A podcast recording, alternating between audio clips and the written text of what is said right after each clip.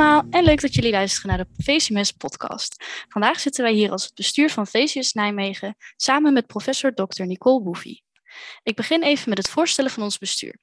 Ik ben Pien, de secretaris van het zevende bestuur en ik zit hier met Selma en Claire. Hoi, ik ben Claire en ik ben de voorzitter van dit bestuur. Hoi, ik ben Selma en ik ben dit jaar de penningmeester. Vandaag gaan we in gesprek met Dr. Boefie. Ze is afgestudeerd aan de Erasmus Universiteit in 1993 en is nu werkzaam als chirurg in het Maastricht UMC. Als hoogleraar innovatieve chirurgische technieken en hoofd van innovatieve chirurgie heeft ze een belangrijke missie. Zo min mogelijk snijden. Dit zien we ook terug in de vele onderzoeken die ze gedaan heeft naar de preventie en vroege opsporing met minimaal invasieve chirurgie-interventies. Ze is internationaal een van de grotere koplopers op het gebied van complicatiepreventie binnen de chirurgie en werkt nauw samen met internationale instituten. Daarnaast maakt ze zich ook hard voor de groene OK. Dankjewel Nicole dat je vandaag uh, met ons in gesprek wil gaan. Uh, we willen het graag vandaag met u hebben over uh, duurzaamheid en in het bijzonder duurzaamheid op de OK. Ik heb u zelf al even kort voorgesteld, maar misschien zou u nog iets meer over uzelf kunnen vertellen? Ja, dat kan altijd natuurlijk. Allereerst heel veel dank voor de uitnodiging. Ik vind het echt een fantastisch initiatief, de VCMS. En ik ben met, met trots beschermvrouwen van jullie vereniging. En ik vind het dan ook heel leuk dat ik nu uh, hier mag praten over de groene OK. Nou, iets over mezelf. Je hebt eigenlijk alles al verteld. Ik heb uh, gestudeerd in Rotterdam. Daar mijn opleiding ook gedaan en mijn promotieonderzoek. Zoals jullie uh, weten is het ja, zeker om in opleiding te komen tegenwoordig ook handig om eerst promotieonderzoek te doen. En het is niet alleen handig, maar het is ook echt heel leuk, omdat je daardoor toch wat meekrijgt om het vak vooruit te helpen. Dus uh, door je kritische blik op de materie kun je de, de chirurgie steeds beter maken. En uh, ja, dat is ook wat ik probeer te doen met mijn onderzoek. Ik ben heel blij altijd met het begeleiden van promovendi. Die geven me veel energie. En ja, die, die houden je ook midden in de tijd staan. Hè? Dus, dus die uh, houden me scherp. Die zorgen ervoor dat ik niet verouder ik ben getrouwd en ik heb drie kinderen. En die drie kinderen die zijn ook enorm bezig met het milieu en sustainability. Zo uh, is mijn middelste dochter, die mm, biologie studeert, die uh, is al sinds tien jaar vegetariër. En uh, dat ben ik dus ook maar geworden, want meer dan één keer koken per avond, dat leek me niet, eh, niet zo mooi. En de rest van de familie ook, dus zo worden we bij de les gehouden. Ja, dus nu met veel plezier chirurg in Maastricht. Maastricht UMC is ook goed bezig met de groene OK. Dus uh, daar kan ik helemaal mijn ei kwijt. Ze hebben ook vorig jaar de Green Deal ondertekend. Ja, zoals jullie weten is de Green Deal heel interessant. Ik zal hem nog even voor jullie samenvatten. Het idee is 49% CO2-reductie door de zorg in 2030. Meer circulair werken. Het uh, verbannen van medicijnresten uit het afvalwater en het gezond maken van de leefomgeving en het milieu. En uh, nou, dat is waar we ons dus uh, mee bezighouden. Klinkt alsof we genoeg te bespreken hebben. Ik denk dat wij het ook heel leuk vinden om te horen dat die duurzaamheid ook echt toepast binnen uw persoonlijke leven. Daar hebben wij eigenlijk met het opnemen van de podcast al kennis mee gemaakt. Want we nemen deze podcast ook online op. We zitten 140 kilometer van elkaar af. En het was niet echt duurzaam om naar u toe te komen. En uh, dat vonden wij eigenlijk wel een uh, mooie opmerking. Om hem dan ook online op te nemen. Wat is verder nog uw persoonlijke reden om u zo hard te maken voor de duurzaamheid? Waarom heeft u zich aangesloten bij de Groene OK? Ja, ik denk dat het enorm belangrijk is om de leefomgeving van onze patiënten zo goed mogelijk op orde te hebben. Ja, dat kan niet als wij met de ziekenhuizen in Nederland voor 8,1% van de vervuiling zorgen eigenlijk. Hè? Um, dan ben je als ziekenhuis verkeerd bezig en dan maak je de mensen ziek in plaats van beter. Dus dat is een belangrijke reden voor mij om, uh, om me daarbij aan te sluiten. En dan als chirurg ben je binnen in het, het, ziekenhuis nog de grootste vervuiler. Want in de ziekenhuizen is de operatiekamer voor 25% van de vervuiling verantwoordelijk. En dan moet je denken, ja, hoe is dat dan verdeeld in zo'n ziekenhuis? Vooral de energie van de gebouwen van het ziekenhuis, die slurpen veel ellende en verzorgen ongeveer 40% van uh, de vervuiling. Wat belangrijk is ook zijn de reisbewegingen van zowel de patiënten als de zorgverleners. Ehm, zeker de academische ziekenhuizen, waar ik nu uh, werk natuurlijk in Maastricht, dan krijg je veel verwijzingen van uh, ja, meer dan 100 kilometer verder. Ja, die moeten allemaal naar het ziekenhuis komen. En daarom ben ik ook heel blij met de coronatijd dat we binnen ons ziekenhuis beeldbellen steeds beter vorm hebben gegeven. En dat heel veel patiënten nu niet meer naar het ziekenhuis hoeven te komen. Bovendien was het altijd moeilijk een parkeerplaatsje vinden voor die patiënten. En kwamen ze gestrest soms iets wat te laat binnen, omdat ze dat uh, niet konden vinden. De familie die kon er soms niet bij zijn. En dat zijn allemaal voordelen die het beeldbellen uh, met zich meebrengt. Naast de goede zaken voor het milieu. Als je dan kijkt naar de rest van het ziekenhuis, dan uh, is met name ja, de geneesmiddelen is ook een groot probleem van de vervuiling. Ja, wat we daaraan doen met z'n allen is proberen, met name uit de ziekenhuizen, alle stromen van, van uh, riool en afvalwater door filters te laten plaatsen. En uh, dat zijn dure dingen. Dat varieert ongeveer van, van 3 miljoen om, om al het water te zuiveren wat uit het ziekenhuis komt. Ik denk dat dat ook een belangrijke uh, manier voor de regering is om die medicijnresten uit het water te filteren, zeker van de, van de ziekenhuizen wat afkomstig is. U uh, ligt allemaal ideeën toe en ook eigenlijk hoe ze worden toegepast in het ziekenhuis. Maar hoe worden deze ideeën bedacht en hoe worden ze vervolgens dan uitgevoerd, zodat het bij elk ziekenhuis gebeurt? Dat is het mooie van het uh, initiatief van de Groene OK, hè, de, de, website waar uh, Jeroen Meijering uit Nijmegen een enorme kartrekker is geweest. Zodat alle initiatieven die er ergens in Nederland zijn, meteen op die website ook gedeeld worden. Dus als jullie het leuk vinden om hier verder wat meer over te lezen, is dat een hele goede mogelijkheid om naar die website toe te gaan. Dus we proberen zoveel mogelijk die ideeën te delen. Verder hebben we met die groene OK, met, met een heleboel snijders, uh, de armen in één uh, gevat. En uh, dus iedereen doet mee op de OK, van de oogheelkunde, orthopedie, plastische chirurgie, urologie, noem maar op. Dus als er een idee is, dan wordt dat meteen gedeeld daar landelijk. We hebben ook een leidraad groene OK die daarvoor zorgt. Binnen de Nederlandse Vereniging van Heelkunde, waar ik dan lid van ben en ook in het bestuur zit, hebben we ook een werkgroep Groene OK die zich daarmee bezighoudt. En binnen de ziekenhuizen zijn er ook allerlei uh, groene initiatieven. Um, zo in het MUMC bij ons hebben we een website waar alle initiatieven op staan, hoe, het ermee staat, wie er aan samenwerkt en um, ja, hoe de vorderingen zijn met die initiatieven. En het leuke van die groene projecten is dat iedereen eraan mee kan doen. En als je als student ziet op de operatiekamer dat er bijvoorbeeld bij iedere patiënt die een katheter krijgt, een hele grote plastic doos wordt geplaatst om op de millimeter nauwkeurig de urineproductie bij te houden. Dan, terwijl er vroeger zakken waren, dan kun je dat op die website zetten. En dan vorm je een team van mensen die zich daarmee gaan bezighouden. En zo hebben we bijvoorbeeld in het MUMC nu de voorkeur voor die zakken, die veel minder plastic zijn. En alleen nog maar bij een paar operaties wordt de urine op de millimeter nauwkeurig gemeten. Zoals je kunt voorstellen bijvoorbeeld bij ingewikkelde openhartoperaties of niertransplantaties. Oké, klinkt echt als een, ehm, een geweldig initiatief uh, uh, waarbij je de wereld uh, echt stukje bij beetje verder kan helpen. U zei dus dat, uh, dat er verschillende initiatieven op de website werden geplaatst waar mensen zich dan uh, mee bezig konden. Kunt u misschien iets meer vertellen over hoe dan de vorderingen binnen die duurzaamheid dan worden gemeten of hoe uh, zichtbaar wordt dat er ook echt progressie wordt gemaakt? Nou, de succesverhalen die worden daar ook allemaal geplaatst. Bijvoorbeeld als je kijkt naar de operatiekamer, wat zijn dan de grootste vervuilers? Dat zijn eigenlijk de anesthesisten. Um, die bijvoorbeeld ja, hele uh, grote moleculen gassen gebruiken om mensen in slaap te maken. Zoals lachgas, desfluraan, isofluraan. Ik weet niet of jullie daar wel eens wat van hebben gehoord. Maar dat zijn gassen die gebruikt worden om mensen in slaap te maken. Maar die vervliegen ook in de atmosfeer.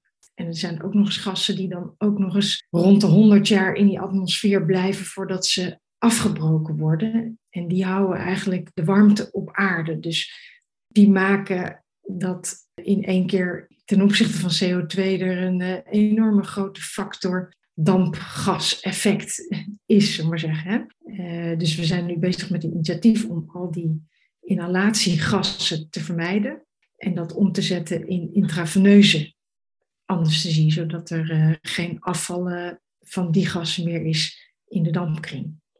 Een ander groot probleem op de OK, dat is de luchtverversingscyclus.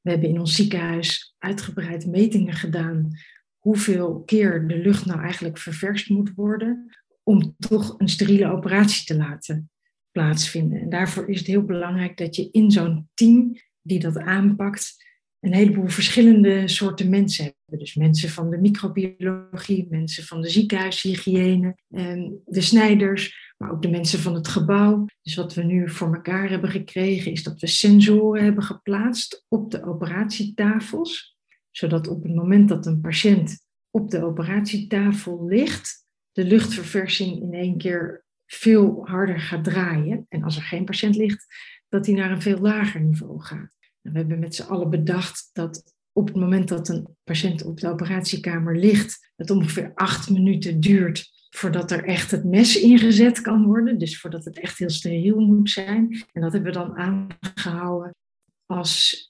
oplaadcyclus om dan die hele luchtverversing uh, aan te zetten. En zo kunnen we enorm veel CO2 besparen en ook geld. Dus we hebben uitgerekend dat we bijvoorbeeld alleen al in het MUMC, waarbij we 20 operatiekamers zo bedraaien, die iedere dag 24 uur per dag stonden te draaien, dat dat 200.000 euro kostte.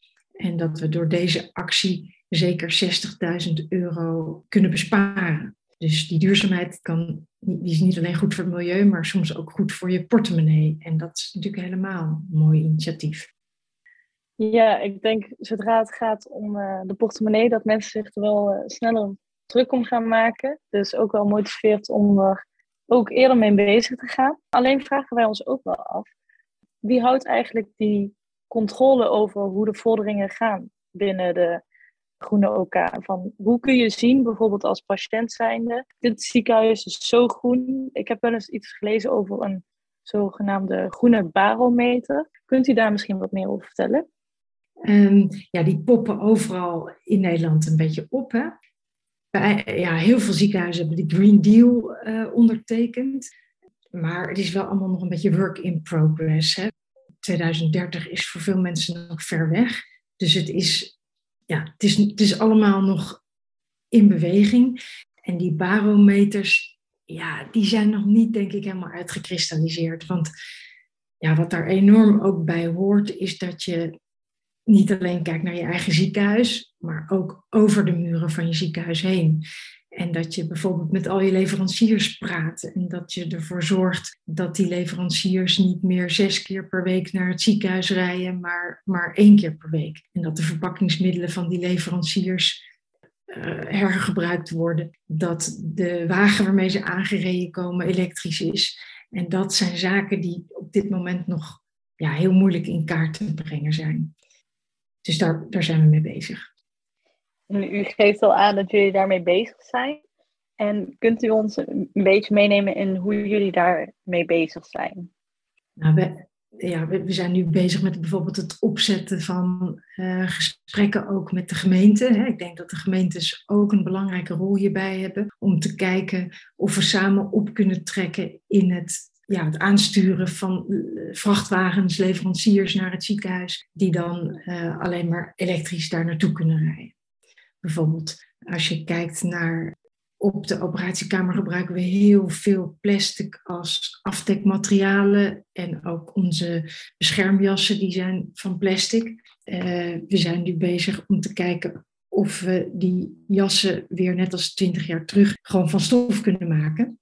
En ja, daar hangen ook weer allerlei uh, zaken aan vast, zoals bijvoorbeeld gesprekken voeren met wasserijen. Uh, en je wil ook niet, niet, dat die wasserij aan de andere kant van Nederland is. En eigenlijk zijn de laatste tien jaar die wasserijen allemaal gestopt met het steriel wassen, steriel verpakken. Omdat dat allemaal vervangen was door die plastic jassen. Dus we moeten wel weer terug. Dus er is op dit moment nog maar één ziekenhuis in Nederland, Helmond, uh, die met stoffenjassen werkt en met stoffen afdekmateriaal. En ja, dat moet heel snel natuurlijk weer terug naar, naar de rest van Nederland. En daar trekken heel veel ziekenhuizen tegelijkertijd op. Want het is natuurlijk ook vaak zo dat als je samen optrekt, het ook goedkoper geleverd kan worden.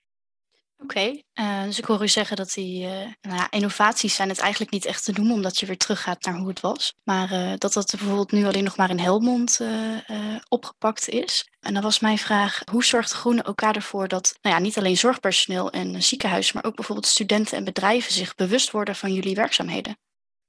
Nou, dat is een hartstikke leuke vraag. En ehm, ja, dat, dat gaat mondjesmaat. Bijvoorbeeld de Nederlandse Vereniging van Heelkunde, die heeft nu met Mulnike een contract afgesloten dat ze samen op gaan trekken om alles duurzamer te maken.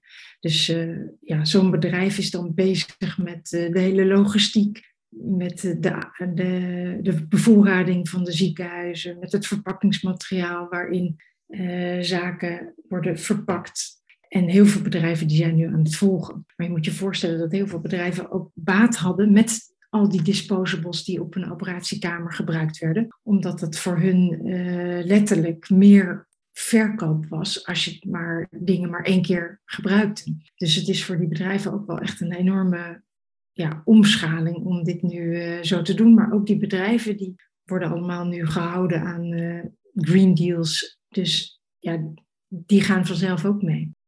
Dus zoals uh, als we het goed begrijpen, dan moet er eigenlijk een hele mentaliteit worden veranderd. En dat is natuurlijk ook niet van de een op de andere dag. Wij als geneeskundestudent kunnen natuurlijk bijdragen aan het veranderen van die mentaliteit, omdat wij nog heel lang in het werkveld bezig zullen zijn.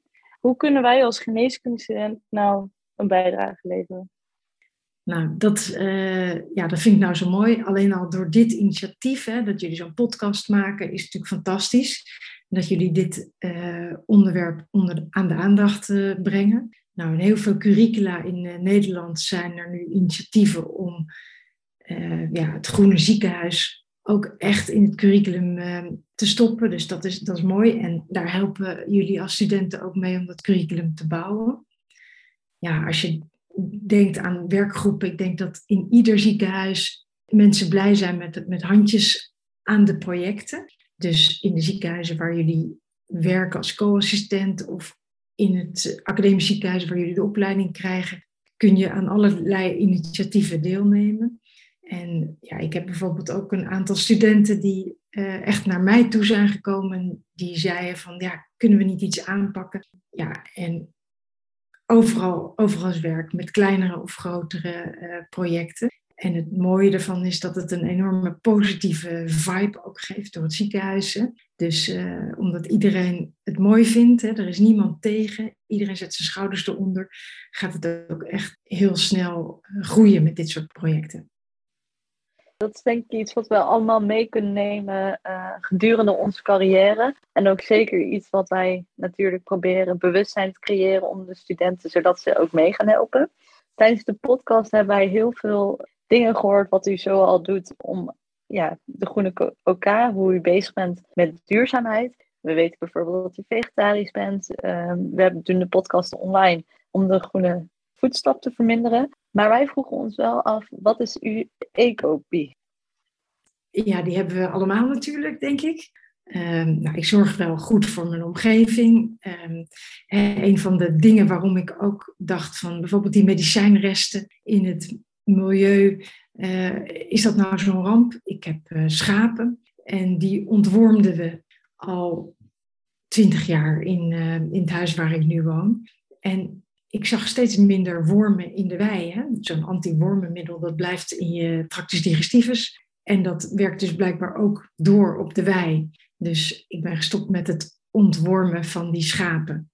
En nou, ik ben sinds vijf jaar ben ik ook imker geworden om, om zo voor het milieu beter te zorgen. En ik, ik zie dat dat ongelooflijk mooi, uh, mooi werkt. zie nu overal bijen om ons heen. Ik motiveer allemaal mensen om, uh, om ook bloemen in hun tuin te zetten. om die diversiteit voor die bijen eh, aan te bieden. Want de bijensterfte is natuurlijk ook een groot probleem met de varroa-mijt. Maar ik heb natuurlijk ook mijn slechte eigenschappen. Ik ga iedere dag op de fiets naar het ziekenhuis. Maar als ik een keertje in de auto rijd, dan is dat geen elektrische auto. Ook geen hele zuinige auto. Dus um, daar kan ik nog wel wat verbeteren. Als ik u zo hoor, bent u wel hartstikke goed uh, bezig met een uh, heel milieubewust leven. Dus uh, ik denk dat het veel mensen van u kunnen leren. Ik moet eerlijk zeggen dat we nog even extra onderzoek hebben gedaan, natuurlijk, voordat we deze podcast gingen afnemen bij u. En daarbij zijn we ook gestuurd op een vrouw Eveline Braakma, uh, voorzitter van de Groene Alliantie. En deze kwam met een mooie quote dat de meest duurzame zorg de zorg is die niet geleverd hoeft te worden. Uh, en deze vonden wij wel erg toepasselijk in deze situatie. En uh, ik vroeg me af hoe, hoe u daar zo over denkt. Nou, vind ik ontzettend belangrijk. En daar sta ik ook helemaal achter. Als je kijkt naar de levels of circularity, daar heeft Jacqueline Kramer over geschreven, dan is het meest effectief is refuse. Dus het, het weigeren van een plastic zakje in de supermarkt. Uh, maar als je doortrekt naar de zorg, het weigeren van zorg. En als je dat doortrekt naar de operatiekamer, dan denk ik dat wij nog steeds te veel opereren. Als je bijvoorbeeld kijkt naar een ingreep die wij als chirurg heel veel doen, de liesbreukoperatie. Een op de vier mannen die krijgt een liesbreuk in de loop van zijn leven. Maar hebben ze daar zoveel last van dat we ze moeten opereren? Dat is natuurlijk de vraag. En dat hangt helemaal van af of iemand heel actief is of niet. En uh, als je 80 bent en je loopt iedere dag een klein stukje en je leest je krantje en je hebt eigenlijk geen last van je liesbreuk, dan hoef je die echt niet te opereren. Dus ik denk dat het super belangrijk is om dat reviews, hè, wat helemaal bovenaan die levels of circularity staat, om dat continu in je achterhoofd hebben als je praat met patiënten. En ze heel goed uitlegt wat de positieve en de minder positieve dingen zijn van een eventuele operatie. Ja, Ab Klink die heeft voorgesteld om uh, het consult in de spreekkamer vijf minuten langer te laten maken. En ik denk dat hij daar absoluut gelijk in heeft, want als je wat langer de tijd neemt en mensen echt goed uitlegt wat de voor- en de nadelen zijn van een bepaalde ingreep en ze vraagt wat hun wensen zijn uh, om nog te doen in het leven, dan denk ik dat we een heleboel ingrepen minder zullen doen. En dat staat dus helemaal bovenaan goed bezig voor het milieu.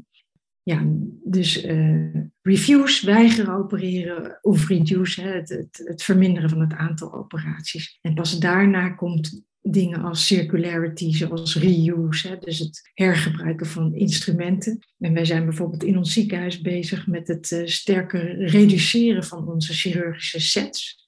We hebben voor de borstoperaties, voor de galblaasoperaties, de liesbreukoperaties en de schildklieroperaties gekeken hoeveel instrumenten van het set wat we gebruiken, we ook daadwerkelijk gebruiken voor die operaties.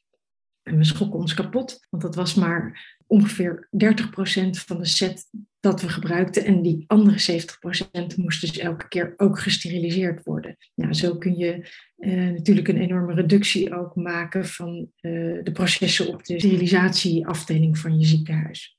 Reduce, reuse en recycle. Er komt dus nog een vierde R bij, refuse. Dat is een ja. hele mooie boodschap die uh, wij kunnen meenemen in onze carrière later. Maar dan hebben wij voor u nog één laatste vraag. Kunt u ons in 30 seconden overtuigen hoe wij als jonge dokters in spe morgen al kunnen beginnen met duurzaamheid? En de tijd gaat nu in. Goed, jonge dokters. Sta kritisch in het leven. Natuurlijk kun je zelf minder vlees eten. Je kunt op de fiets naar je werk. En je kunt ja, in de supermarkt je eigen tasjes meenemen, maar dat doen jullie vast allemaal. Ik denk dat het enorm helpt als jullie iedereen bij de les houden, want jullie zijn de generatie um, waar het ja, straks om gaat draaien. Ik merk dat aan uh, mijn kinderen ook, die kiezen allemaal voor richtingen van studies in het milieu. En probeer dus met name onze oude dokters bij de les te houden. En vraag bij alles wat je ziet je af, kan dit ook anders? En bespreek dat. Dat lijkt me een hele mooie boodschap om mee te eindigen. We willen u hartelijk bedanken voor het deelnemen van de podcast. En we hopen dat iedereen er wat mee gaat doen met alle adviezen die u heeft gegeven.